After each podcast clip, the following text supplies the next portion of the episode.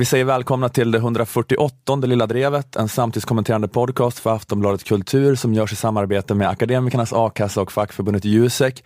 Vi spelar in i Malmö musikstudio där jag, Ola Söderholm och Liv Strömqvist och Jonathan Unge sitter. Hej på er! Hej! Tjena! Eh, Det är tisdag 25 april idag när vi spelar in. Mm. Eh, I söndags var första omgången av franska presidentvalet. Jupp. I första omgången så är det massor med kandidater och de två som får flest röster går vidare till en andra omgång. En duell om vem som blir president Mm. som kommer att gå av stapeln 7 maj. Och eh, den som gick vidare som tvåa den här gången med 21,5 procent av rösterna var Nationella frontens Marine Le Pen och eh, flest röster med 23,8 procent fick Emmanuel Macron som inte tillhör något parti utan han har, han har en politisk rörelse som startades för ett år sedan som heter En Marche.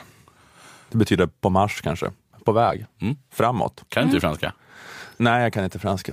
Är Macron den där lilla Macron. goda lilla eh, Det biskvin? låter ungefär som det, gör inte det? Ja, det är väl samma ord. Ja, det är samma ord. Han heter Han det. heter det. Söt biskvi. Inte så Ja. god, god sak. Det kanske heter en liten läckerbit. Det är liksom kanske hans, kanske, är det hans lärarinnas smeknamn Mm. på honom som han har tagit som sitt riktiga efternamn? Just det, vi ska återkomma till det här med hans relation till sin lärarinna sen, när du ska prata om det Jonathan. Ja. Ja, så kan det vara kanske, att det är deras eh, sexiga jargong som har tagit sig in i politiken. Macron och eh, hans då rörelse En Marche, eh, som jag förstått det, kan beskrivas som en eh, fransk motsvarighet till eh, nästan alla svenska partier. Okej. Det är som någon bara skulle ha skapat partiet Sjuklöven. Mm. Det är så jag fått det beskrivet för mig. Det, det kanske inte är vänstern och SD. Men det är din klassiska, han är för allt som är bra och emot allt som är dåligt. Ja, men det är som att det är bara att man har rationaliserat fram, det här är Sjuklöven, ni gillar mig inte, men ni hatar eh, SD mer. Ja, ja, okej. Och så är jag bara en inkarnation utav, utav den politiska rörelsen. Det gamla status quo, liberala etablissemanget. Eh, och Marine Le Pen och Nationella fronten är då en fransk motsvarighet till Sverigedemokraterna, kanske en fransk motsvarighet till Sverigedemokraterna om de inte uteslutit Gustav Kasselstrand. Det är Nationella fronten, ett SD där det är mer okej att gå runt och se ut som att man spelar en av mobbarna i filmen Ondskan och ha så här fackeltåg på Karl XIIs dödsdag. I alla fall, jag har två tankar om franska valet som vi kan inleda veckans avsnitt med. Det första är då att det är ett väldigt renodlat eh, galtanval, i alla fall på ytan. Att den här utvecklingen med den gamla höger-vänster-skalans minskande betydelse har kommit till någon slags spets här då i Frankrike. Att inget av de två traditionella, alltså det stora högerpartiet och det stora vänsterpartiet, eh, motsvarigheten till sossarna och moderaterna i Frankrike, de, som, de brukar nästan alltid mötas i slutomgången i presidentvalet. Båda blev då utslagna i söndags. Istället kommer alltså två kandidater som båda vill beskriva sig som varken höger eller vänster Nej. att mötas i slutomgången. Mitten och nu jävlar möts. Precis. Det är i och för sig så att det är väl skillnad i ekonomiska politiken, men jag har hört att det är likt på så vis att båda kommer göra folk besvikna. Att Le Pen då säger att alla, alla förutom invandrarna kommer få allt, bara man sparar in på invandrarna och går ur euron. Att det är den här klassiska då högerpopulistgrejen och att Macron säger att alla kommer få allt bara man gör allt som EU, IMF, TTIP, den globala nyliberalismen vill. Eller jag vet inte, men det, det är en bild av Macron, att han är en så här moderat och rimlig och teknokratisk eh, person enligt etablissemanget. Men jag läste, en, jag läste en text nu, här precis innan vi spelade in, bara av miljöpartistiska riksdagsmannen Carl Schlüter, där han gick igenom Macrons valplattform. Och han bara gick igenom, det var så oändligt med skattesänkningar och satsningar till alla sektorer och grupper i samhället. Och Schlüter menar på att det var förslag på tusentals miljarder som inte var finansierade.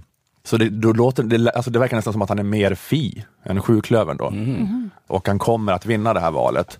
Men Obama-peppen han har piskat upp kring sitt fi-program kommer leda till sån besvikelse att han kommer orsaka en Le Pen-seger i nästa val. Så var frågan en sak Okej. som, inte, som, jag, som jag inte riktigt koll på med franska valet. Han har ju alltså inget parti. Nej. Nej. Hur får han igenom lagar och sånt? Eller har den franska presidenten så sån stor makt? Eller behöver den inte ha någon, liksom, någon grund i någon sorts liksom, något parlament? Nej, det måste ju kunna bilda majoriteter sen i parlamentet. Alltså det, det, det där kan jag inte göra i detalj. De har, de har ju ganska stor makt, men de säger ju att det kommer bli problem för honom när det är riksdagsval som är ytterligare någon månad senare, eller parlamentsval. Att han måste hålla på och pussla ihop majoriteter där då. Men han är ju, han är ju, han var ju, jag vet inte om han var med i socialistpartiet eller om han bara var så anlitad som en teknokrat som typ blev näringsminister i Hollands regering.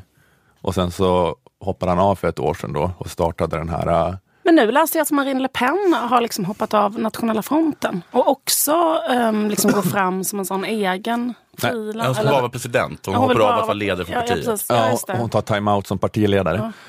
Men jag läste något att det bara var jättetillfälligt liksom, under den här valkampanjen. Att hon skulle- tog time-out i två veckor som partiledare. Men, att det, ja, men det handlar nog mer bara om att så här, triangulera Macron på något sätt. Att jag ska också bara vara en sån här äh, frifräsare som alla kan samlas kring på något vis. Och, Eller det verkade, inte, det verkade ganska mycket spel för gallerierna. Ja, ja, det var, just det, jag läste en text av Carl Schlüter. Vad mer kan jag berätta? Ja, hur, vad mer gjorde du helgen? Ja, men jag tyckte det var Ja, det var ganska full intressant. Ehm, Ja, men det, det, han bara skrev det och det är så här, skitsamma, vem vet hur det ligger till egentligen? Det är väl ingen som vet, som orkar skärskåda de ekonomiska förslagen, inte jag heller. Han kanske är Fi, han kanske är sjuklöven. Det viktiga är att det finns en bild av Macron som är att han är sjuklöven, att han är Annie Lööf eller Mikael Damberg. Och vilka är Annie Lööf och Mikael Damberg? Det är väl ingen som vet egentligen, men man har en bild av det, eller hur? Ja. Men, men grejen är att både Le Pen och Macron vill hur som tona ner höger-vänster. Det handlar mer om att de profilerar sig som herr Gall och fru Tann. Eh, att de är inkarneringar av den här, det här kulturkriget som pågår. Den här djupa, bittra, oförsonliga, moralistiska konflikten som inte handlar då så mycket om att lyfta olika materiella intressen så mycket som en kamp mellan gott och ont. Att man själv är god och den andra bara är ohjälpligt ond och förtappad Ja, och har om, keffa eh, åsikter. Ja, men också med identitet och nationalism. Hur? Det- Nationalismen eh, Frankrike versus kanske... Ja, vi kan ju säga det igen bara att gall, galltann står för eh, gall är då grön alternativ liberal, tann är tradition, auktoritet, nationalism. Macron är den liberala, globalistiska, Europavänliga, progressiv i värderingsfrågor. Eh, Och Le Pen är då traditionell, auktoritär, nationalchauvinistisk, fascistisk. Le Pen är det som brukar kallas eh, extremist av sådana som oss. Och vi har börjat få den här allt mer ohållbara situationen att hela västvärldens befolkning nästan nu kan delas upp i hälften sansade människor och hälften extremister. Ja.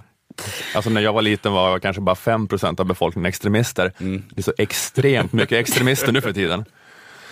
Ja, men det, vi börjar få den här situationen att det allt mer börjar finnas två länder i varje land som är avskilda, separata system och inte liksom erkänner den andres legitimitet. Två parallellt existerande, lika stora offentligheter.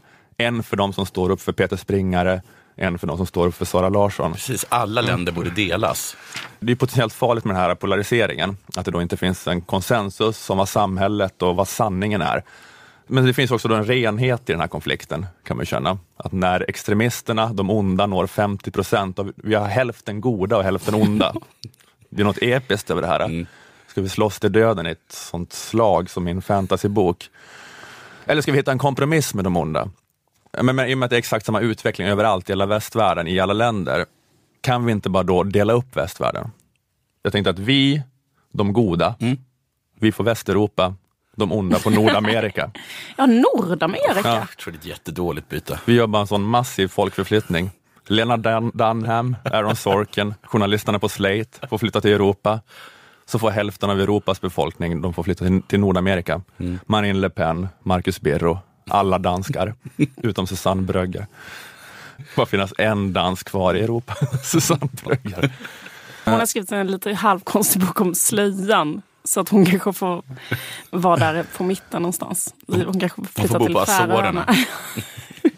Ja, just det. Det det kan vara de här svåra liksom, gränsfallen. Att så Alexander Bard kommer flytta Ja. fram och tillbaka Ja. en gång i månaden, har- beroende på vad han har för ny nyckel. Liksom. Vem- De har sin bas på Azorerna. Ja, vi måste separera, det är en del så här smärtsamt, vi måste separera på Alex och Kalle Schulman. Mm, just det. Och Peter Birro kommer ju sakna sin brorsa kanske. Ja, just det, precis. Bara för att kunna skapa stabila samhällen, där människor delar grundläggande värderingar Mm. och inte har de här två samhällen i ett land, länderna, som vi har överallt nu. Jag tycker att det vore spännande, för jag tyckte att det vore spännande om de, istället för ett krig då mellan nord och syd, eh, alltså sydstaten och nordstaterna. Istället för att ha haft det där kriget, att de bara hade haft faktiskt en uppdelning. Och intressant att se hur det hade gått för dem. Just det. Det var det, det, det här som jag föreslår som hade hänt om sydstaterna hade vunnit amerikanska inbördeskriget. Mm, precis. Just det. Eh, Men, eh, Det, det är ju en, eh, det är en tanke i alla fall. Den Mm. västeuropeiska supermakten Gall och den nordamerikanska supermakten Tann. Ja, det kanske är bättre att dela upp länderna bara. Ja, vet jag, inte. tror det är smart- jag tror det är smartare. Att man bara alla länder delas på mitten. Men då förstår ni att Skåne kommer att gå till eh, Gall. Ja. Nej, jag menar Tann. Ja, Tann. Eh, Tann har ju redan Skåne. Så att jag menar, då kommer vi allihopa att få bo i norr. ja, det var väl på Ja, tiden. Eller kanske man kan dela på liksom, ett rakt streck på längden med Sverige. Så skulle vi kunna få Österlen och de skulle kunna Just få det. liksom, alltså, Båstad, Ja, ja. Helsingborg, Ja, Landskrona, jag skulle så lätt kunna ge upp hela- Malmö. Göteborg är vi upp då. ja, faktiskt. Där, där tycker jag att Ja, va- va- valet är jättelätt ifall jag får välja mellan östra och västra Sverige. Att jag mycket hellre tar östra Sverige. Jag ge- ger upp västra Sverige nu. Alltså jag, men, då, men då gör vi det då. Det blir, det blir, det blir jättebra. Österlen, Stockholm och. Luleå. Vad mer kan man Ja. behöva? Ja, det, det är nog enda, enda vägen runt det här problemet. Men eh, det, det, det var min ena tanke. Min andra tanke om franska valet handlar om nationella fronten och det partiets eh, nationalchauvinism och, och rasism. Mm. Front National, de har en lång historia av antisemitism. Eh, Marine Le Pen har försökt städa bort det. Eh, hon har ju bland annat sparkat ut sin pappa, Jean-Marie, Ja, för att han... Eh, det, elever han. ja, han lever. Han ska lever. rösta också på henne har han sagt. Ja, okej. Mm. Men har, har, de liksom en, har de en schism i privatlivet? Han har Eh, dödat hennes katt eller någonting. Hon uteslöt ju honom för att han inte kunde sluta säga att förintelsen var en parentes. Och han så här fick 18 chanser att ta tillbaka det. Han sa, jag tänker inte ta tillbaka det. Och så vet jag att eh, han eh, har sagt i så media att han, när han var som mest kolerisk över att han blev utsluten, att han tar avstånd från sin dotter. Och så här, hon har liksom sårat mig på ett sinnessjukt sätt. Ja. Men han har nog kanske ändå på något vis bara svalt där, att han är utesluten och att han ändå att det är en så viktig kamp att han ska rösta på henne. Jag får bara att han bussat sina hundar på hennes hund eller katt. Okej. ja, men det kan stämma. Jag, jag, jag missar det. Men, sen så, men, jag, men det är också så här att hon har nära medarbetare som bevisligen var antisemiter, var med i GYD eh, på 80-talet, som var en sån rörelse som gick runt på gatorna och var fascister, men som nu har på sig kostym. Men det, eller det, här, det är lite som SD, den här nolltoleranspolicyn, men det är inte liksom mot de som är för viktiga och för upp i, i partitoppen. Men i alla fall, det är ändå att man ska städa upp det på ytan. Man ska städa bort det ur retoriken i alla fall med antisemitismen. Och det handlar då istället om att eh, i första hand då peka ut islam som hotet mot det franska. Ett av Marine Le Pens mer spetsiga uttalanden som hon var uppe i rätten för, för att det eventuellt var hatbrott, men hon friades, men det var att hon jämförde muslimer i Frankrike med nazisternas ockupation. Eh, Det var så apropå att det var för några år sedan nyhetsrapporter att muslimer hade varit ute på gatan och bett i tre franska städer Eh, på grund av att det var platsbrist i moskén. Och hon gjorde någon, eh, eller tal, hon gjorde en koppling där hon sa att eh, om man ska prata om andra världskriget och ockupationen eh, så ska man, borde vi prata om den här ockupationen, att det är likhet liksom, med den tyska ockupationen under andra världskriget, en ockupation av territorium, eh, att de är här och eh, muslimar sig. Och, och det är en lite lustig grej att säga kan man tycka, eh, för det är Frankrike då som har ockuperat halva muslimska världen. Mm. Koloniserat dem och mördat dem och gjort anspråk på deras råvaror och arbetskraft. Skapat ett ojämnt utbyte som gjort att resurser eh, och de muslimska människornas rikedomar och produkterna av deras arbete har flödat till och koncentrerats i Frankrike. Och man har tvingat på alla de här människorna sitt språk. Sen tycker man att det är så jävla konstigt att de kommer hit. Att det är en ockupation. Det är som när Hitler rullade in med stridsvagnar i Paris. Det här med att vi rullade in med stridsvagnar hos dem. Sen kom några av dem hit och gästarbetade. Det som nazistockupationen. Jag bara tycker att det är- något fascinerande att borde inte franska rasister bara ha lite mer ödmjukhet inför det här? Att även om man är rasist och bara känner lojalitet eh, för det vita kristna Frankrike, stör sig som fan på muslimerna, man borde ändå fatta att det är lite vårt fel att de är här. Eller? Alltså har inte till exempel amerikanska rasister lite mer den här ödmjukheten? Jo, Att eh, det finns rasism och sådana som bara tycker att vita amerikaner är riktiga amerikaner. Men det har ändå varit svårt att ha en sån här eh, ut med packet politisk rörelse mot den svarta befolkningen i USA. Så här, vad fan gör ni här? Just det, nu minns jag hur ni kom hit. Alltså det, det borde bara vara samma insikt i Frankrike, även bland rasisterna. Att de är så här, ja men hur kan det vara en arab med slöja här? ja, vad fan tror du? Ja, men jag tycker, Alltså, Algeriet, varför, är, varför är det otroligt mycket al- algerier här? I- Att de är liksom är, eh, borde kunna förstå varför. ja, Man kan tänka sig att för amerikanska till exempel rasister skulle säga att ha- borde egentligen inte någonting emot getton till exempel. De, måste vara, de borde vara väldigt för getton. ja, för de, har, de kan inte ha det ut med packet, men de kan ha vi ska ha apartheid. Typ, Ja, eller? precis. Ja. Eh, Men som att de franska nazisterna står inte ens ut med getton. Eller rasisterna. Nej, nej exakt. Nej, Och, de säger det. då. Det är förvandlats till getton. Men det är väl superbra. Ja, det är väl liksom, Det är väl det ni vill. Det, är väl det bästa ni kan hoppas på då, antar jag. Ni kan liksom inte förvänta er att de inte ska vara här. Att om, om man så ska jämföra olika länders rasister, så tycker jag ändå att svenska rasister som säger hur fan kan det vara muslimer i Sverige, är mer rimliga än de här franska Le Pen-röstarna. Ja. För de här franska eh, har ju inte bara problemet att de är rasister, utan de är ju också som dumma barn, alltså som inte förstår grundläggande saker om handlingar och konsekvenser. Alltså det finns ju vissa, typ fi-människor har försökt få igång en sån pepp, att glömma inte Sveriges kolonialhistoria. Ja. Glöm inte det- Sveriges roll i Ja, jag är slavhandeln. med i den peppen. Jag har faktiskt pratat om det lilla drevet. Det var ju ett patetiskt försök till Ja, kolonialvälde. det jätte- Sverige hade kanske en slav. En lyckades man få till Sverige, Ja, som men var det- Gustav IIIs. Det var liksom att, och uppsåtet var ju att man ville ha slavar i alla Jo, men vi Jo, men Det alla, alla folk i jordens historia har haft uppsåtet att alltså, vilja ha slavar. Jag menar, alltså, slavhandeln gick åt motsatt håll när Osmanska riket var lika mäktigt att det vita kristna förslavades. Nej, men jag menar, det, det är bara en sån försvinnande liten del av den transatlantiska slavhandeln som Sverige varit inblandad i. Och den lilla delen består av min släkting Bernhard Wahlström som avskaffade den. Tackar. Han var inblandad i det, sen avskaffande. Ja, Okej. Eh, det är... jag eh, har mest att han var inblandad i avskaffandet. Ja, okej. Men det, det är frågan ifall det är någonting som är berömvärt. Att det är som Paolo Roberto, att först spöar man skiten i folk, sen slutar man. Sen vill man ha beröm för det och få vara föreläsare. Ja, men så lite så. Ja. Han var av det 1700-talets Paolo Roberto på det sättet. Mm. Men sen är det klart att Sverige är en del av imperiet ändå. Att vi liksom är en del av det centrum som importerar billiga råvaror och billig arbetskraft från periferin och därmed har en överlägsen köpkraft och ett överlägset välstånd. Och därmed är det självklart att så länge världen är så ojämlik så kommer liksom människor försöka röra sig från periferin till centrum. Att vi liksom är en del utav den koloniala ordningen.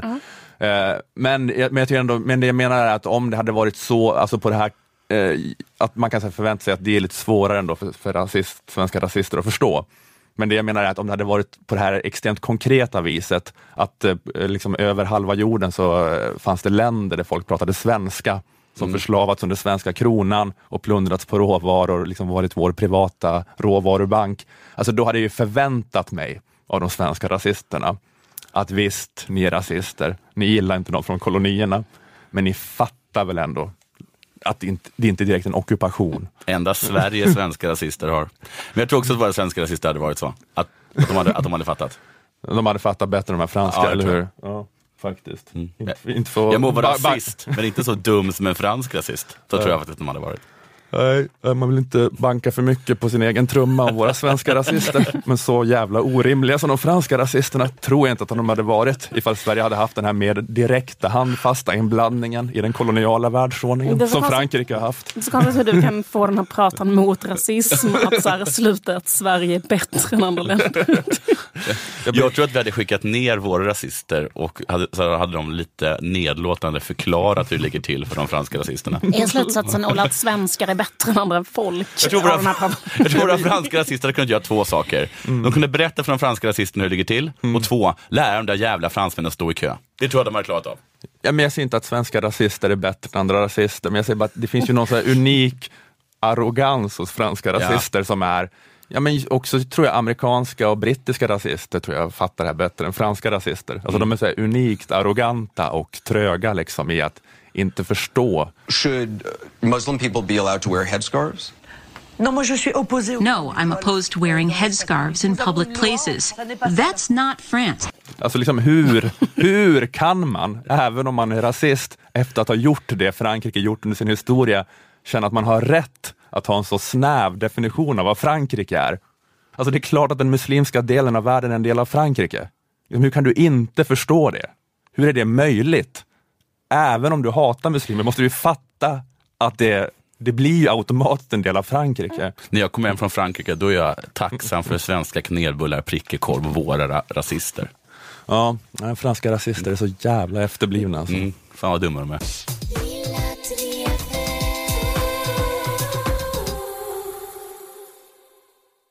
Mer franskt val.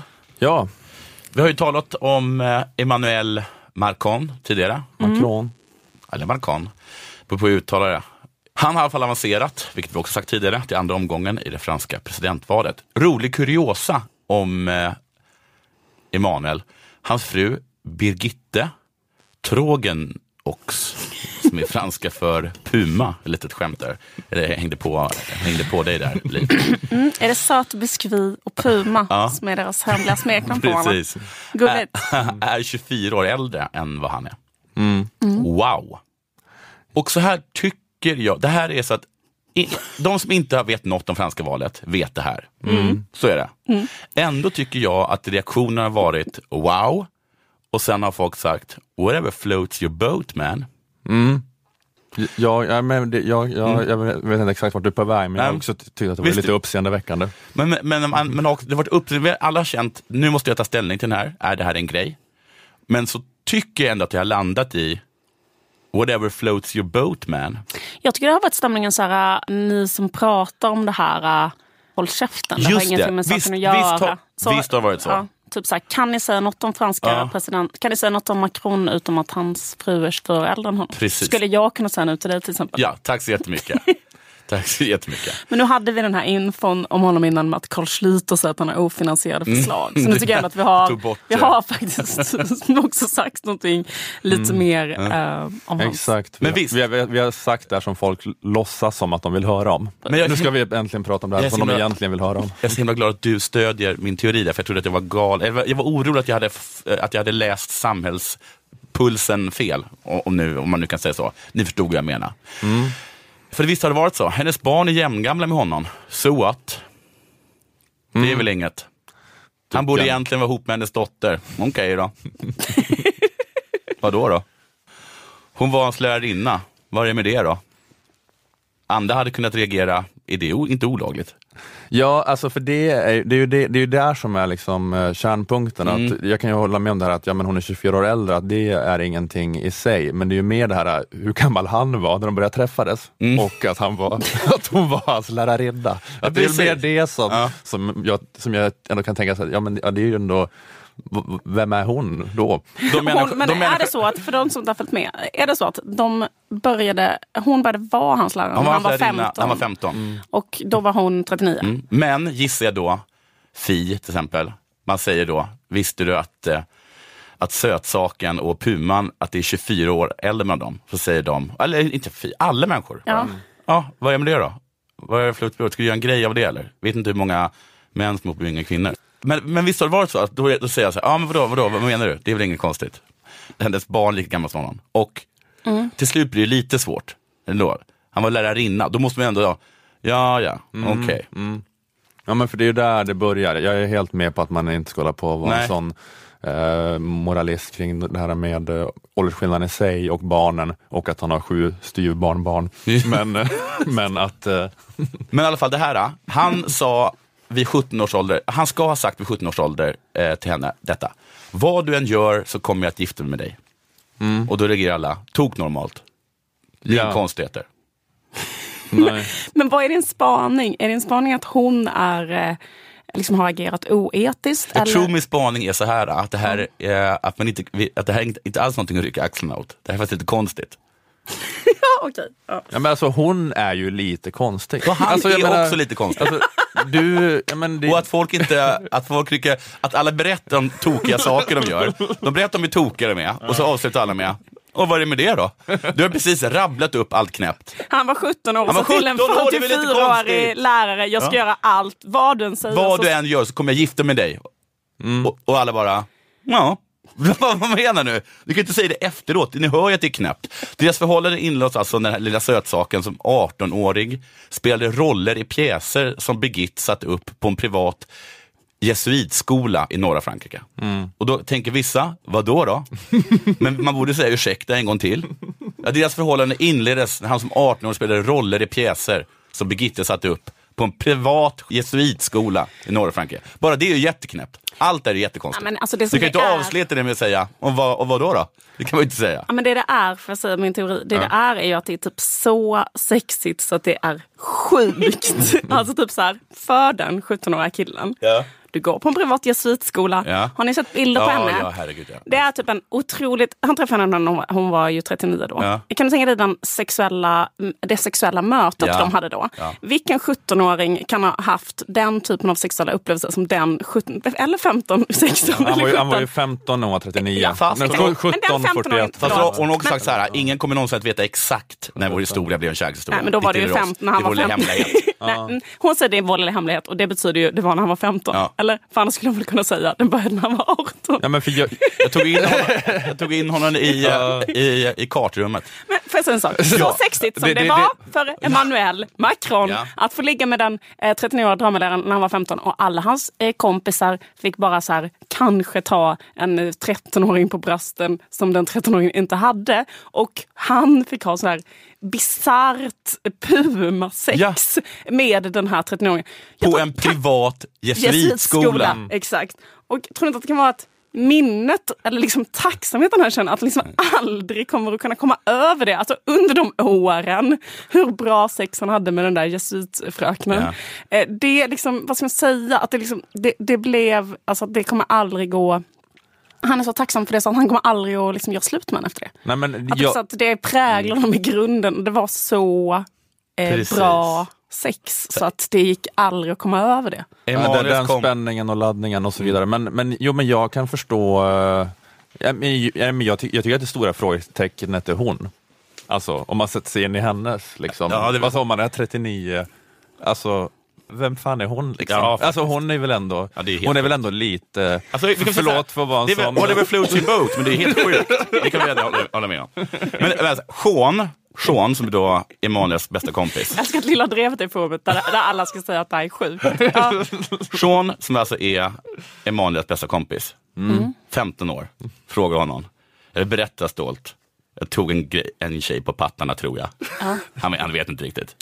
Och han bara, ja jag har ju precis satt på min lärarinna och regissör, 24 år äldre, på min privata jesuitskola. Så jag håller med, jag håller med. det är så tokigt sexigt så att det blir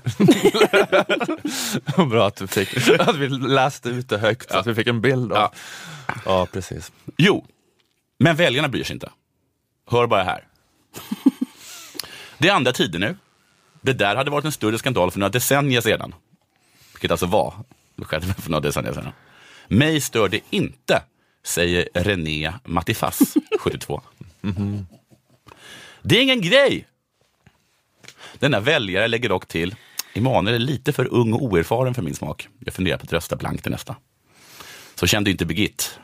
Nej, just det. Nej. Eh, Hon röstade på Emanuel. Mm. Men, eh, men eh, det, det stämmer väl inte att det hade varit eh, en större grej förr? Alltså det, är inte, det är väl tvärtom med sånt här att, att förr alltså, kunde det vara sån här grej att Bill Wyman i Rolling Stones var ihop med Mandy Smith eller Moore eller vad hon hette på 80-talet som var typ 14. Alltså, Jo. idag är det väl mycket mer så här Alltså mycket mer Ja. känslighet kring det där Men med, alltså- med barnarovsgrejen. Jo men eh, Frankrike existerar ju i en helt egen bubbla där ingen bryr sig om såna här grejer. Det är väl det också. För att jag menar, i, eh, till exempel när var den här Dominic Strauss-Kahn.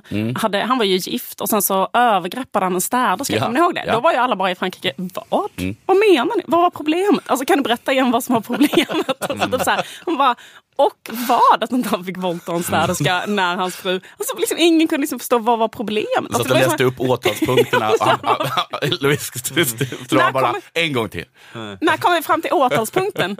alltså typ att, nej, jag bara menar att, fast USA är väl, eller överlag de anglosaxiska länderna, för att jag menar det har ju varit flera exakt sådana här fall i USA där just skol eh, sexiga fall där skolfröknar um, har eh, haft relation med sina elever. När eleverna har varit kanske 17 eller 16 och skolfacken kanske är 26 eller någonting. Och då har det varit sådana fall där de har blivit dömda till så här, kanske 15 års fängelse och så här. Alltså skolfröken. Ja.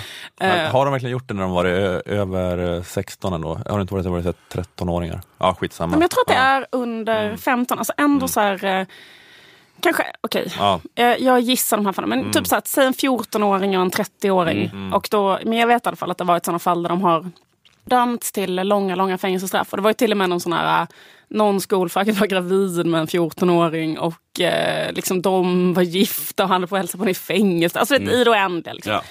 Men vad vi inte får glömma är att det är helt lite knasigt. Ja, men jag, jag, för jag tycker inte alls att, jag tycker att det är helt rimligt att folk inte bryr sig om det, om huruvida de ska rösta på Macron Nej. eller whatever. Och så. Men det är bara om man så ställer sig frågan. Ja. Jag, ty, jag tycker inte att det ska vara en grej på det viset, men om man, så nu, om man ska svara på en rak fråga, verkar den här Birgit supernormal? Och liksom, så, så, så, så, tycker jag att de verkar, alltså det är ju lite svårt att identifiera sig med, alltså, vem som helst som är 39 inleder inte en Nej. relation med en 15-årig elev. Alltså Nej. hon är ju lite weird. Precis. Och jag, säger inte, jag säger inte att det är något franska väljare ska ta i beaktande eller så, men ja. Om man leker typ sanning och konka med Birgit och så får hon konsekvensen, eller, eller sanningen då, säg det galnaste någonsin gjort. Och hon då säger att eh, en gång så, så streakade jag över en, eh, över en rugbyplan. Då, då tänker man ju, åh jo, du har något saftigare. eller hur? Så, då tänker man ju. Så, så, eh, då är vi alla med på det. Hon berättar också så här, eh, han blev förälskad och han gav sig inte. Trots att hon då var 40 år, gift och hade tre barn. Han ringde mig hela tiden, har Birgit berättat, det är en dokumentär för France 3. Dokumentären heter, vad då då? Vi tillbringade, vi tillbringade timmar på telefonen. Bit för bit bröt han ner mitt motstånd på ett sätt som var otroligt. Med tålamod. Hon pratade med honom i tre timmar och sa i tre timmar nej, Nej, nej, nej, nej, ring inte med mer, ring inte med mer. Min man, mig. Jag trodde vi skulle tala om din roll i min eh, pjäs som jag satt upp här jesuitskolan i norra Frankrike. Här, helt missförstått saken. Precis. Jag tänker att du kommer in, tar av dig skjortan, kryper på alla fyra vid scenen och säger Jag vill vara din slav. Men det här står inte i manus. Tyst Macron. Jag heter inte Macron, jag heter ett helt vanligt efternamn. Hon sa det också så extra det där som jag talade tidigare, att ingen vet exakt när den här kärlekshistorien började och det är deras lilla med hemlighet. Fan vad soft, reagerade alla tydligen. en sak är säker, eh, Emmanuel Macrons föräldrar var inte glada. Hans mamma trodde först att sonen förälskade sig i lärarinans då 16-åriga dotter, eftersom han så ofta besökte henne. Så hennes morsa reagerade i alla fall med, det här är väl lite knäppt. men hon kanske är en sån här tråkig normtyp. Men, men, men det, var, det var hennes reaktion. Mm, hallå där.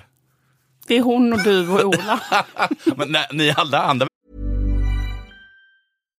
Millions of people have lost weight with personalized plans from Noom, like Evan, who can't stand salads and still lost 50 pounds. Salads, generally, for most people, are the easy button, right? For me, that wasn't an option. I never really was a salad guy. That's just not who I am. But Noom worked for me. Get your personalized plan today at Noom.com. Real Noom user compensated to provide their story. In four weeks, the typical Noom user can expect to lose one to two pounds per week. Individual results may vary. verkar vara med på båten. Ja.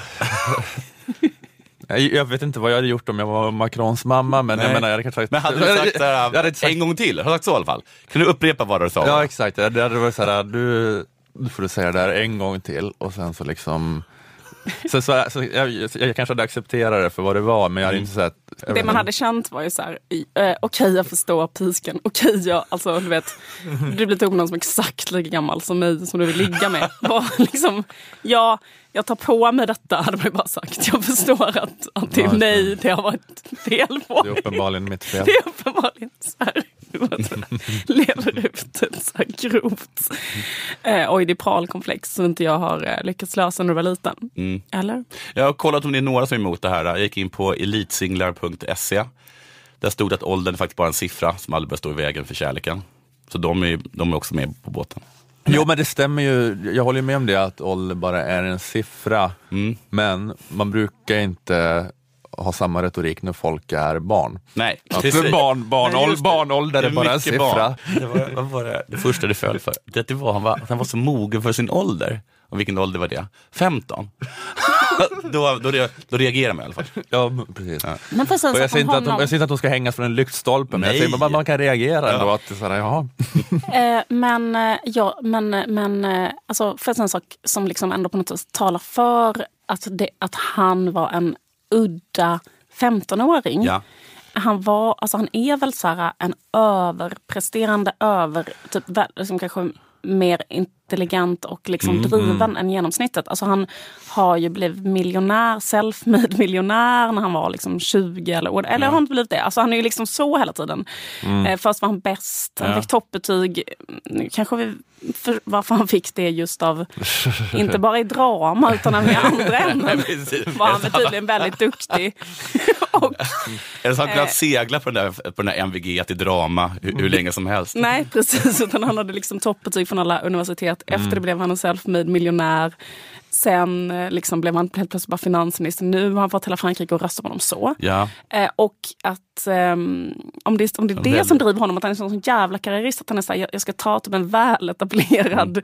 eh, liksom intelligent äldre person som bara kan Ja, det, är, det kunde liksom hjälpa honom i hans jättesjuka egna karriär. För vad får han annars fortsätta vara ihop med? För jag tänker så här, det, det här skulle, skulle väl kunna hända och händer säkert hela tiden, alltså den här typen av grej. Men det konstiga med dem är att de har fortsatt vara ihop. Eller? Ja. Ja, jag hörde, jag läste någon eh, som skrev om det, att han har varit väldigt eh, under radarn med den här relationen och inte alls pratat om den förrän nu på senaste kampanjen så hon börjar synas och sådär. Han har varit offentlig med det. Men att han vill kommunicera att om jag som 17-åring kan få en eh, 40-årig trebarnsmamma att lämna sin familj för mig.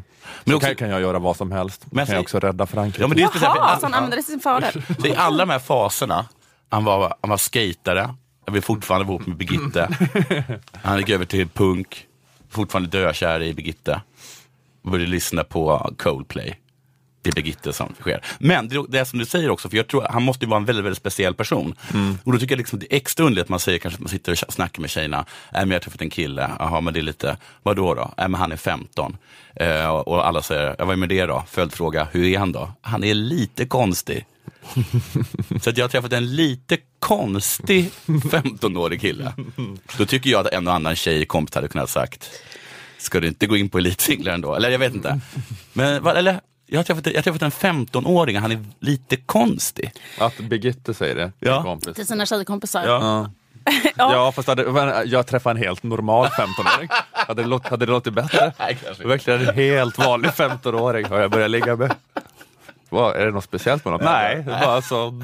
Han eh, snusar och kör moppe. Och... Okej. Det här var egentligen inte det jag skulle tala om alls. Nej. Eller lite. Vad meningen var att jag skulle tala om, eh, jag skulle utgå från en artikel som hette typ Mäktiga män föredrar äldre kvinnor. Eh, som var i, på Svenska Dagbladet. Men sen när jag skulle skriva om den igår kväll, då var den artikeln borttagen. Jag såg det var Katarina Janouch var intervjuad. Jag läste den också. Katarina Ja. Janouch var intervjuad och hon svarade på frågor om det här fenomenet. Ja. Satte det i ett sammanhang. vad det beror på att det är så här. Och då, det, var, det var det massa information då som jag ville ha, som jag skulle bygga den här pratan på. Men då fanns inte den längre. Det är väl lite konstigt att, att den var borttagen. För den, var- den, var inte, den var inte stängd tidigare. Först trodde jag att, den var, att den hamnade bakom en betalvägg, men den finns bara inte längre. Och artikeln var väl då, kanske för att den var lite pajig. Liksom. De hade liksom massa exempel då på folk som var mäktiga män som var ihop med, med äldre kvinnor.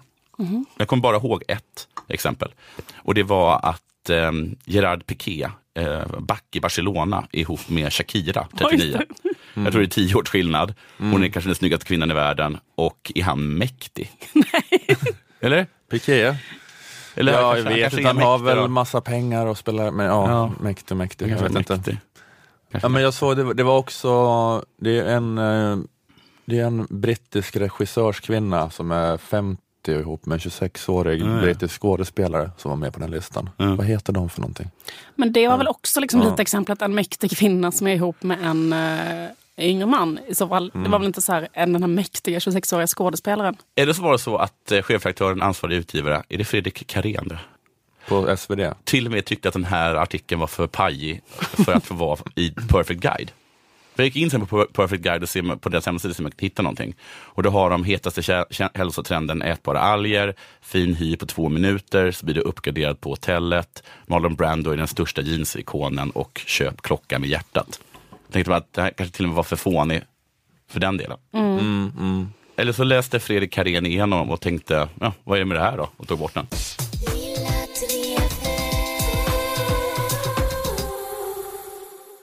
Vi vill tacka våra kära sponsorer Akademikernas A-kassa och fackförbundet Jusek som fortsätter att göra den här podden möjlig.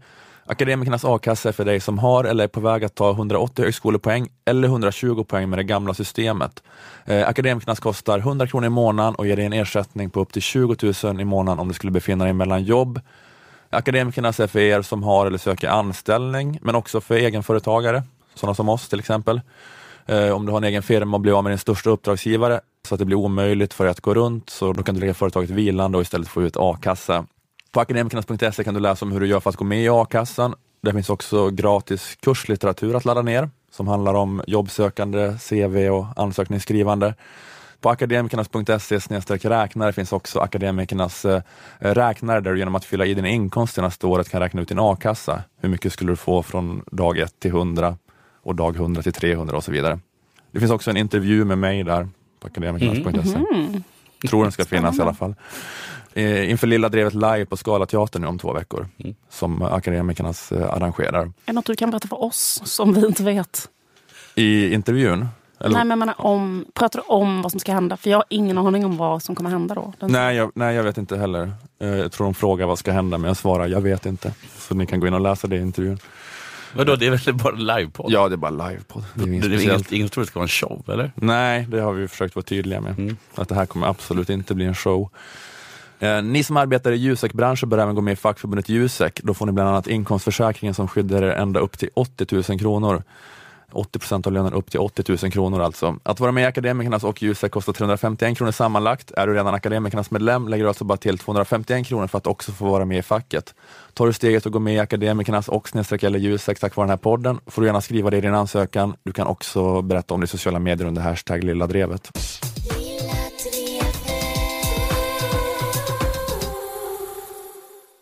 Jag tänkte att vi skulle lyssna på ett ljudklipp av en människa som lider kval. Är ni redo? Jag känner mig lite sviken faktiskt. När de då matchar mig med en ganska inbiten rökare. Och för mig så är det en av de här sakerna som verkligen inte, inte, inte funkar. Jag tycker att det är osexigt, jag tycker att det är ofräscht, jag tycker att det är ganska ointelligent att röka.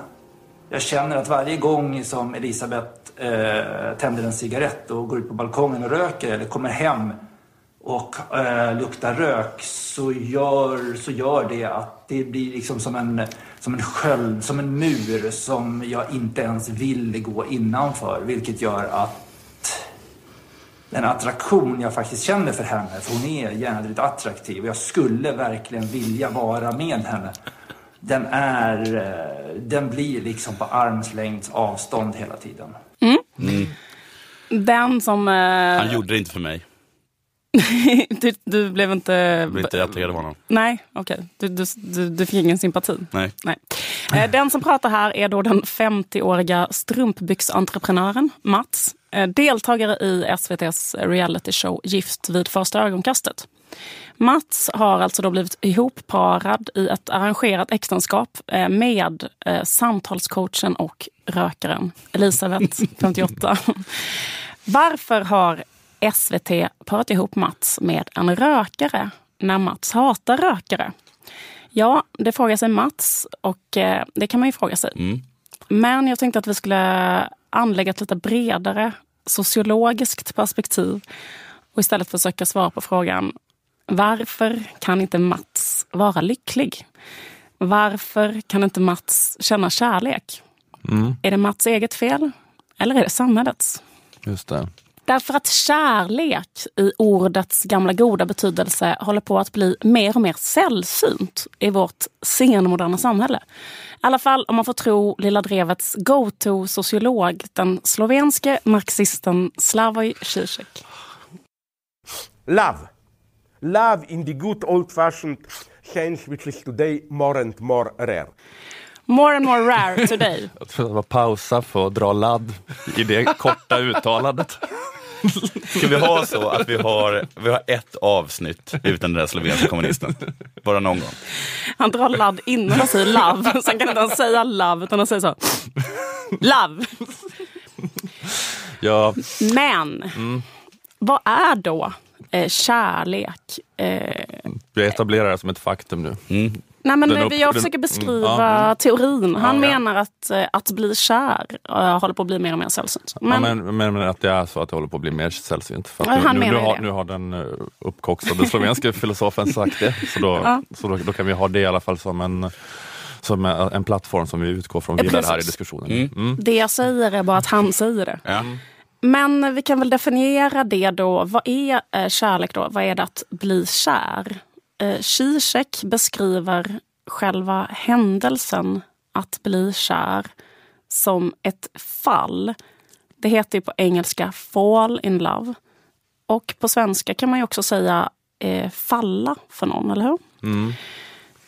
Och eh, i själva verbet då, liksom falla så ligger det också en slags eh, beskrivning. eh, Det är en slags deskription också lite grann vad som sker när man blir kär i någon. Nämligen att man blir typ motståndslös inför den här personen. Någonting händer som gör att det egna jaget på något sätt måste liksom rubbas eller sättas ur spel eller så.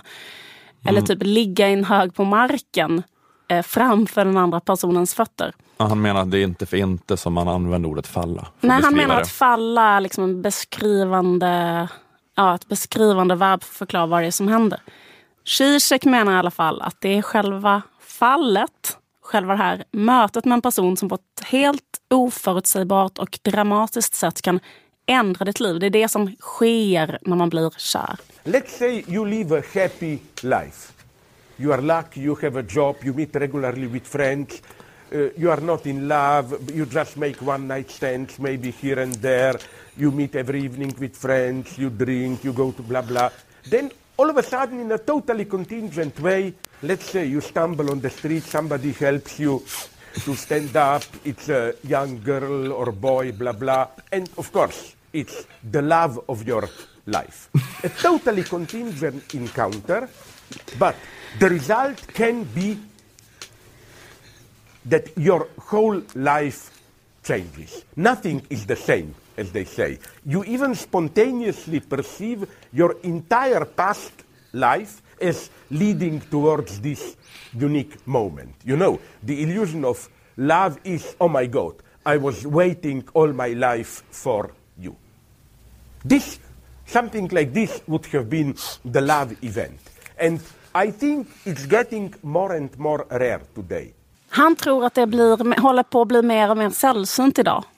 Den Varför grejen. då? Ja, det menar han beror på att vi lever i ett eh, konsumistiskt samhälle. Ett, surprise.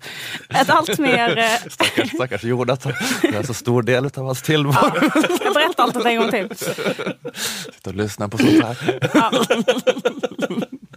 Förlåt Jonathan. Det var det här som blev livet. Man, man, man, ham- man hamnade på Möllan. Jag sitta lyssna på, på eh, gaping popfans. Den- Den dagen jag väl blir påkörd, så kommer bara timmar av att lyssna på en kommunistisk sloven flimra förbi. Ja. Hur som helst, eh, det här är kanske en spaning som många har gjort, men liksom att i det här, liksom, ehm, på grund av att man lever liksom i ett ytligt konsumistiskt samhälle så blir då liksom det ytliga konsumistiska färgar av sig också på, på kärleksrelationer. Och ett superövertydligt exempel på detta är ju så här datingappar för folk som söker sig tillfälliga förbindelser, men också så här hela den här industrin av så här matchma- matchmakingkonsulter, avancerade matchningssidor på nätet och så vidare. Ett tecken på detta menar Zizek. Då. Ja. Det är det, är det här som Eva Elos har skrivit om mycket också, med att det här instrumentella tänkandet tar över med ja, men på datingsidor och sådär, att, att man gör det mätbart, det som inte är mätbart, att bli kär i någon, men att man Ja, att alla, alla kan ratas liksom, på olika egenskaper och sådär. Ja, Man, det. försöker, man, försöker, man gör det hyperrationellt och logiskt. eh, Just det. Man där. kanske använder Ja. rationalitet i ett område där man inte brukar göra det. Mm.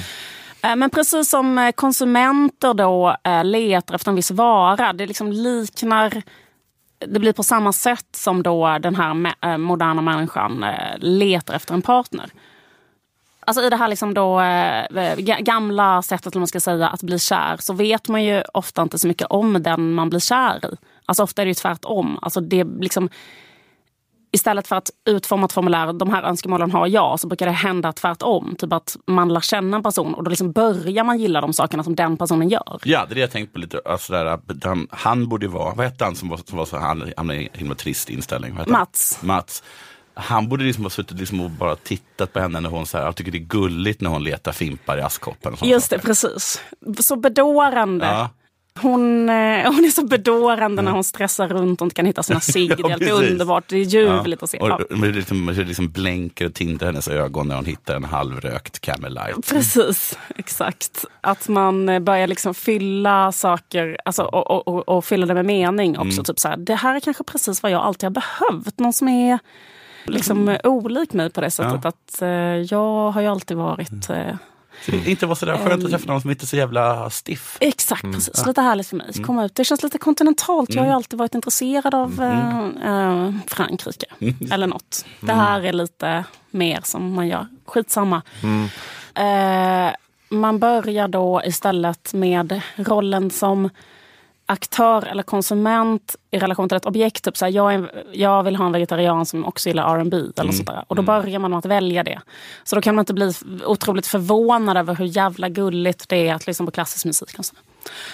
Många intelligenta kulturkritiker har påpekat, säger Zizek, att vi nästan är tillbaka på förromantiska och eh, förmoderna stadier där, när äktenskap och kärleksförbindelser var arrangerade av släktingar.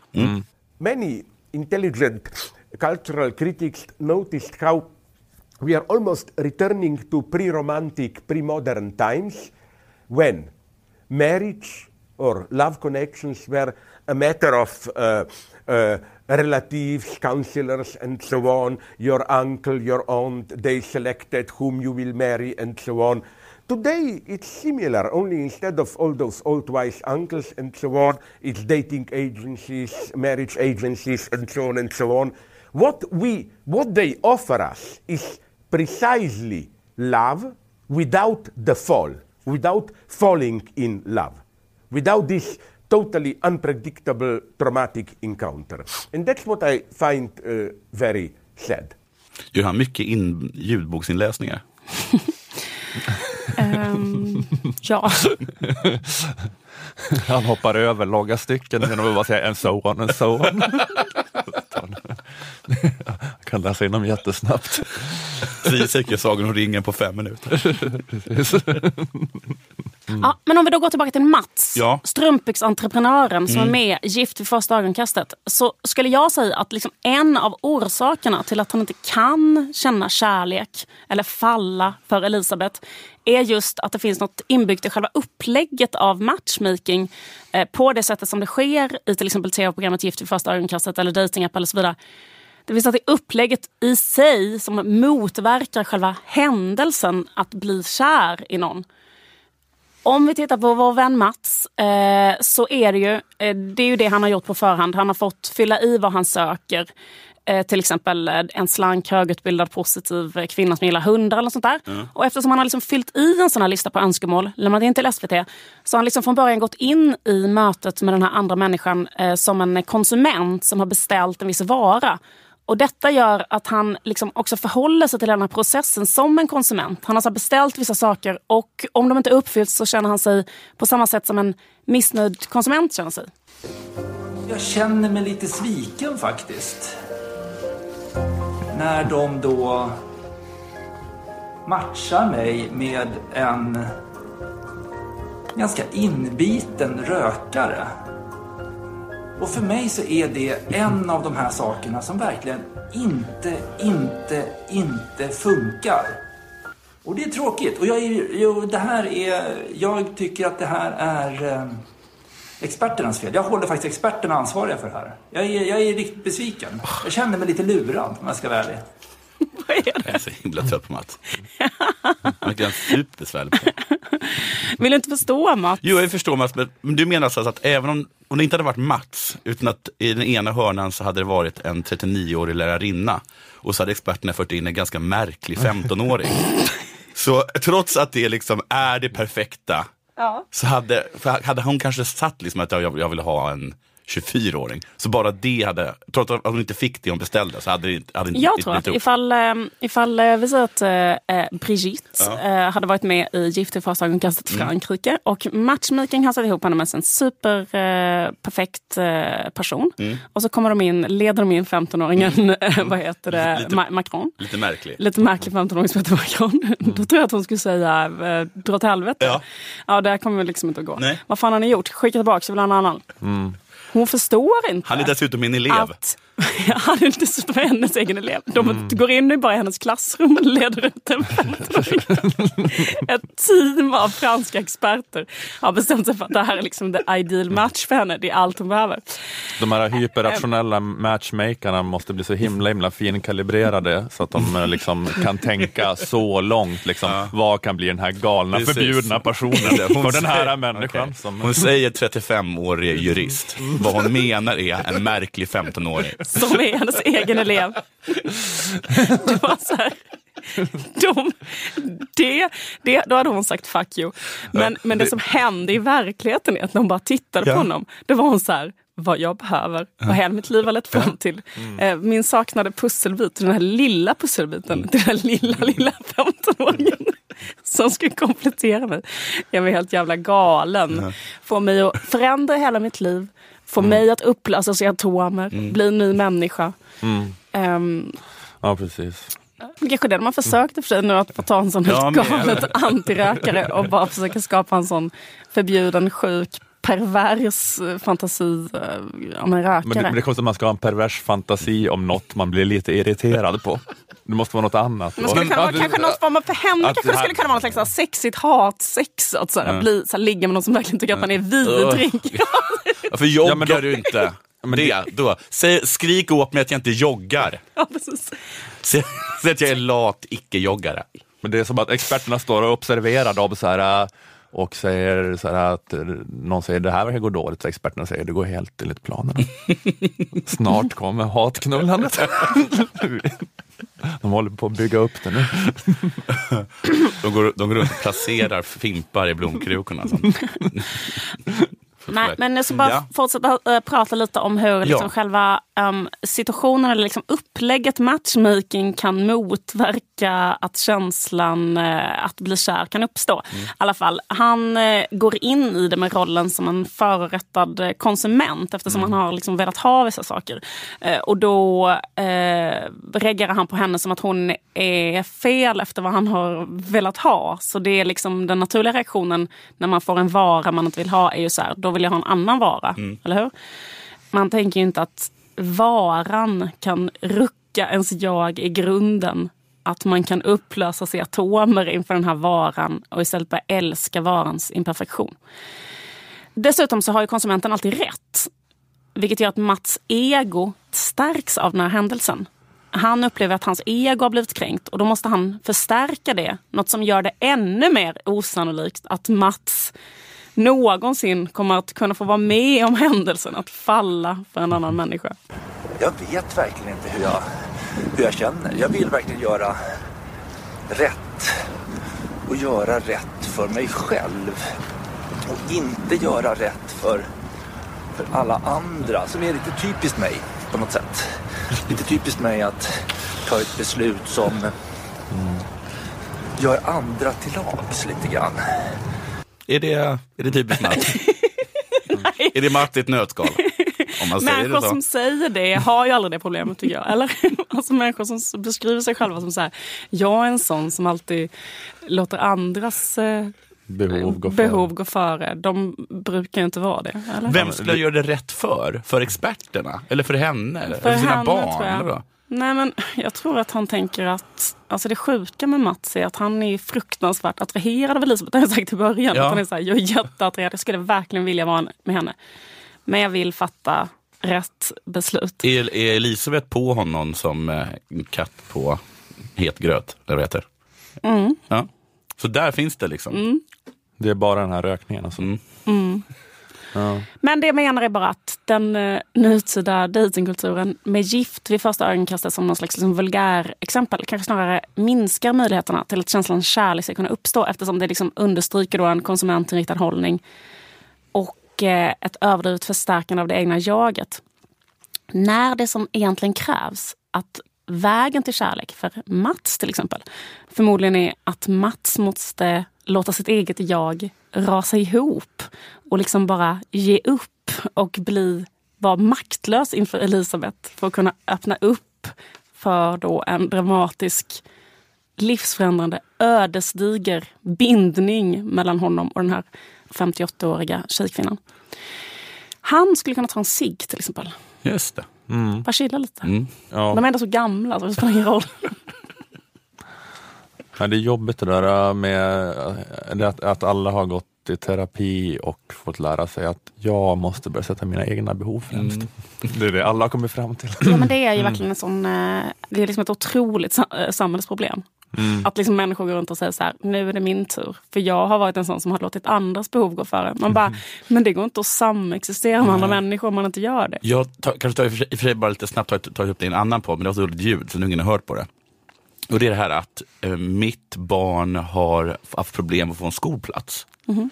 Eh, vi hade liksom ställt henne på min adress, vi ville att hon skulle bo i det området. Då menar liksom Malmö kommun att det är för sent och sen har det slutat så att hon skulle börja på skola som vi alltså inte ville att hon skulle gå på. Men då, då, blev inte vi, då blev varken jag eller barnets moder uppstressade över det, för att vi hade fått för oss att allt vi behöver göra är att ringa och vara lite jobbiga. För det var någon sån här, jag vet inte, det var någon sån här grej som vi båda trodde att det gäller ju bara att ringa och vara lite jobbiga. För så hörde alltid jag och hör- hördes föräldrar att det var någon som lyckades få in sitt barn på någon skola. Och då sa alltid min mamma, men det är lite avundsjukt, att ja men de, de klarar av att ringa och vara lite jobbiga. Men nu tror jag att det är så att alla i vårt samhälle är lite jobbiga. Ja. Så att eh, jag tror att förr i tiden så var det att man, de som var lite jobbiga hade fått den där ungen i vilken skola den ville. Ja. För att det var bara typ en person som var lite jobbig. Då gav man ju sig med. Alla andra sköter sig, men här är en person som är jättejobbig. Då, då låter vi den personen få som den vill. Men nu ringer ju alla föräldrar. Alla är förorättade konsumenter. Ja.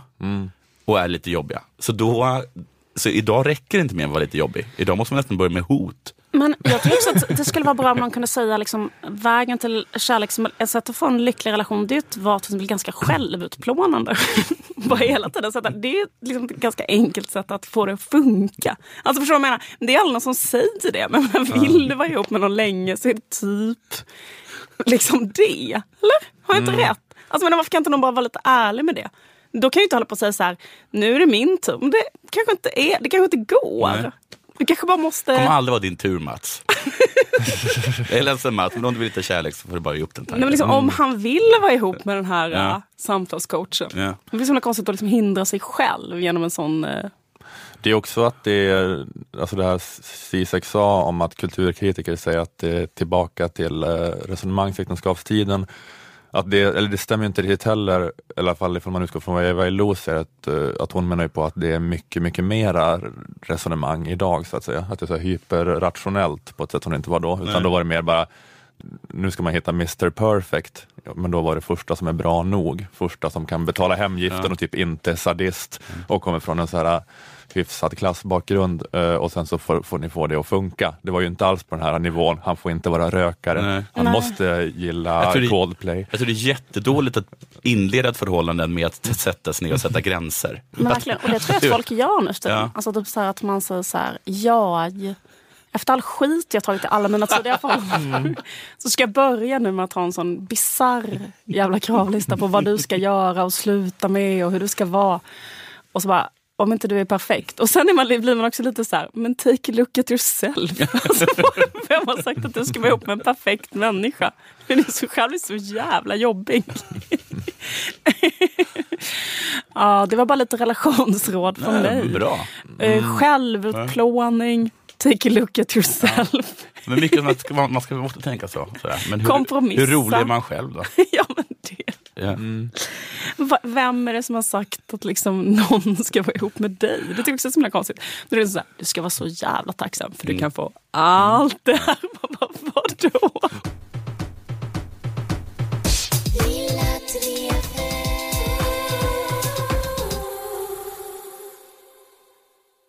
Jag vill reklam för, vår, vi har en ytterligare en extra föreställning eh, för Sämst. Den absolut sista föreställningen nu, som är 2 maj i Stockholm. och ni bor i Stockholm eller i gr- gränskommunerna, eller heter det krans? Krans. Ja. Ja, ja, ja. Så får ni jättegärna gå in på centrum.se och komma och kolla den 2 maj. Scalateatern i Stockholm. Hej då. Ja, vi säger hej då och vi säger eh, tack till eh, the usual suspects. Aftonbladet Kultur, Akademikernas A-kassa, Fackförbundet Till Jusek. podden The Usual Suspects. Just. Exakt. Tack för att ni finns. Tack för att ni finns. Tack för att ni finns. Johan, Johan, Johan eller vad ni heter. Eh, och eh, tack till Malmö musikstudio där vi fick spela in. Eh, jag heter Ola Söderholm, ni heter Liv Strömqvist och Jonathan Unge. Vi hörs igen om en vecka. Hej då! Hej. Hej då. Jag är faktiskt, jag är faktiskt inblandad i ett väldigt märkligt relationsdrama. Mhm. Jag, jag spelar ett spel som heter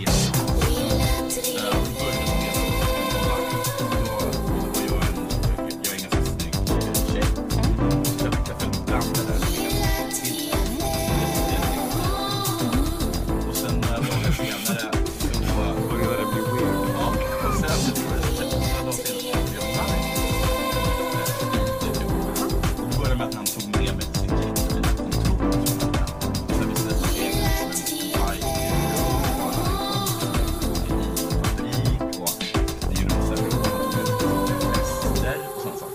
Och sen är det som att någon gång så har vi, kom han, ett så har han kommenterat min kropp ganska mycket, det har jag tagit upp, tyckte jag var lite Mm. jobbigt på riktigt. Mm. Och sen, har också, men sen också var, så var det som att han kom fram och ville ha en puss och typ gav jag honom en puss.